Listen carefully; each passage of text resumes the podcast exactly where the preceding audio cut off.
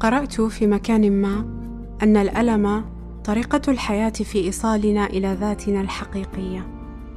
هنا في بصيرة أنا نوف نبيل.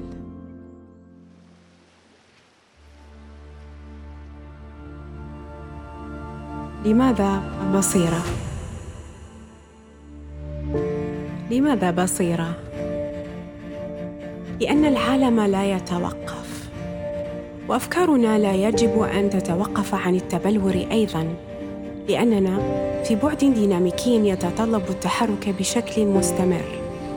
وأعتقد أن الإنسان مرن جداً أكثر مما يظن. بإمكانه تبني ما يلزمه ليبقى ولا أعني الخلود بل البقاء فقط لأننا بحاجة لأن نعي والوعي يعني أن تصبح منفتحا على كل ما هو آت أن تدرك أن ما تعرفه الآن بإمكانه أن يصبح ما تستبدله لاحقا حين تعي أكثر. لأننا بحاجة للاستمرار. ولا أعرف احدا استمر بفكرته الأولى عن الأشياء. لأن الثوابت ثوابت وما سواها جدارك الممتد. تستطيع دهنه بلون واحد قاتم أو استعارة الألوان من الكون لرسم جداريتك المتقنة. لأنني أحتاج التفكير بصوت عال ولأن العقل الفضولي عقل حي. وأحتاج أيضا لرأيك للآراء كلها. لأن الإنسان وعاء يختار ترتيب ذاته. يضع فيها ما يشاء فتغدو شاسعة أو ضيقة متصالحة أو في صراع. شرسة أو وديعة ذات قبول ورحابة أو منفرة. تجد طريقها لتتصل بكل شيء أو تنغلق كخزينة مصرف.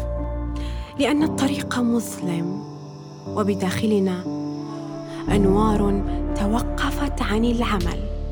لم نستخدمها لوقت طويل. ولأن الخارج مليء بما سيكرره عليك حتى تتخذه ضوءا. الضوء الآتي من الخارج. الضوء الذي يعني بأن الأضواء فيك مطفأة.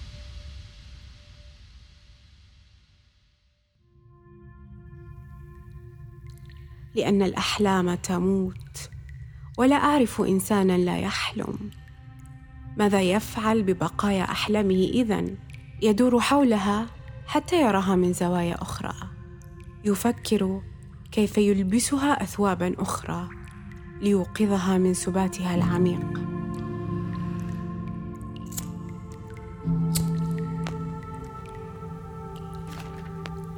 لأنني أبحث عن أسماء جديدة اعطيها لاشياء القديمة. يتقبل كل منهما الآخر لأنني أتطلع للقاء الصديق الجديد الذي سأكونه لننظر سوية لما كنا ونفخر ونفخر بكل نسخنا التي أوصلتنا إلى هنا. ولا أقصد الوصول بمفهوم النجاح. فأنا ضد المعاني التي تمنح الإنسان صفات خارقة حول نفسه بل الوصول بمعنى النجاة. لأجل ذلك لأجل كل ذلك كانت بصيرة.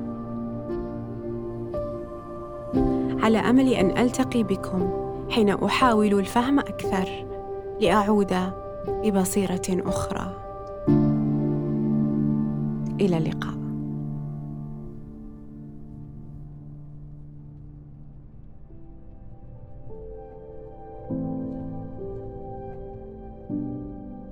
هنا في بصيرة أنا نوف نبيل.